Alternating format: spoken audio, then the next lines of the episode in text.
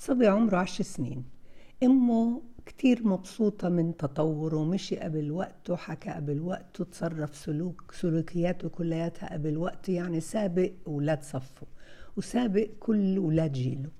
بس بالمدرسة عمل لها مشاكل كتير ثرثار كتير حركة الكل بيشكي منه طردوه من مدرسة مع إنه تعليم إلزامي في كل الدول اللي محترمة حالها بنطردش ولد. لازم يعرفوا يتكيفوا معه.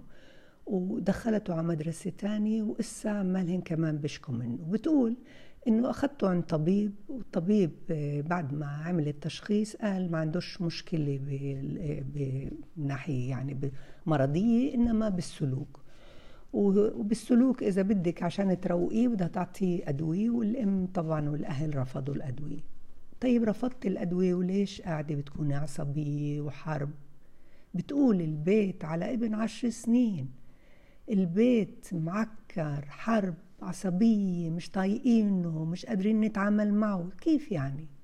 كيف يعني انت قاعدة بتكوني رافضة هالولد اللي خلق وبتقولي سباق بس هو عنده مزاج اللي هو عنده شعبية بتحرك بيقدر يعمل أشياء اللي ما حدا بيقدر يعملها بس لما أنت تآمني فيه. كيف يعني؟ بكفي هقول كيف يعني؟ إسا بدي أقول لك شو التدريب. تدريب مش أغير المجتمع تدريب إني أنا أعرف إنه هذا الطفل خلق بهذا المزاج يعني خلق بمواصفات اللي ما بنقدر نغيرها.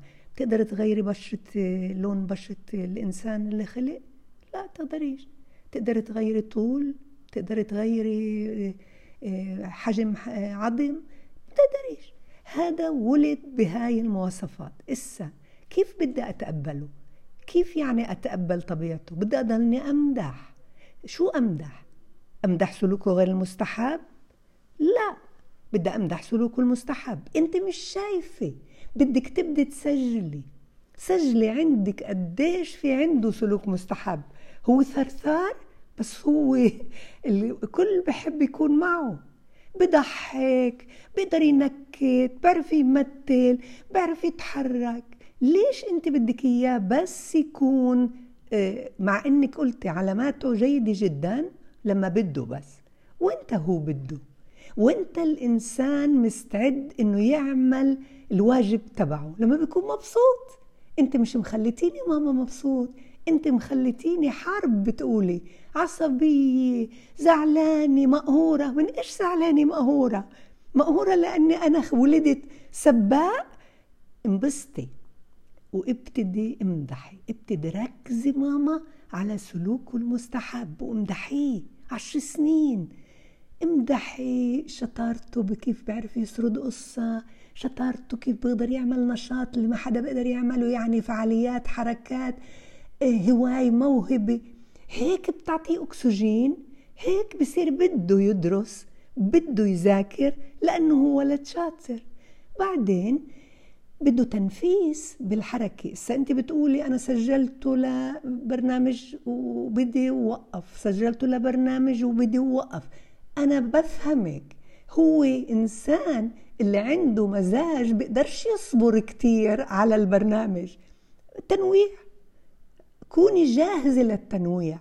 ضلك مبسوطة علي ماما. كل ما حس إنك أنت معجبة فيه كل ما تقلق وصار يتلقلق مثل النجمة لما أنت بتحبيها وبتستحليها بتصير تتلقلق عينيه بصيروا يدوا بعدين ممكن مثلا ركوب خيل إذا في عندك بالمنطقة المحيطة. ممكن أي هواية بحبها يروح مثلا على مزرعة يربي يساعد. هذا جانب اللي انت بدك تتعبي عشان تخليه يقدر يتأقلم ويعيش مع البيئة ويعمل توفيق.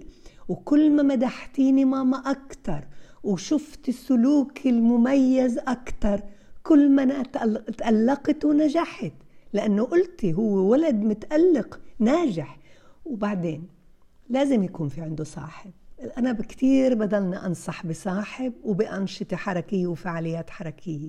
صاحب يزوره ويحضر له ويروح ويجيبه عنده يستضيفه ويحضر له.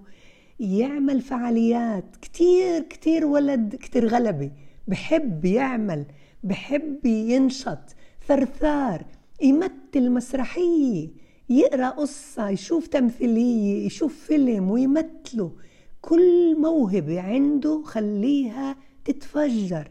وهيك انت بتكوني ساعدتيه لحتى يوصل لمرحلة جيل البلوغ. وهناك هو بدبر حاله ما تخافي. ليه؟ لأنه طورتي له شخصية سعيدة سوية.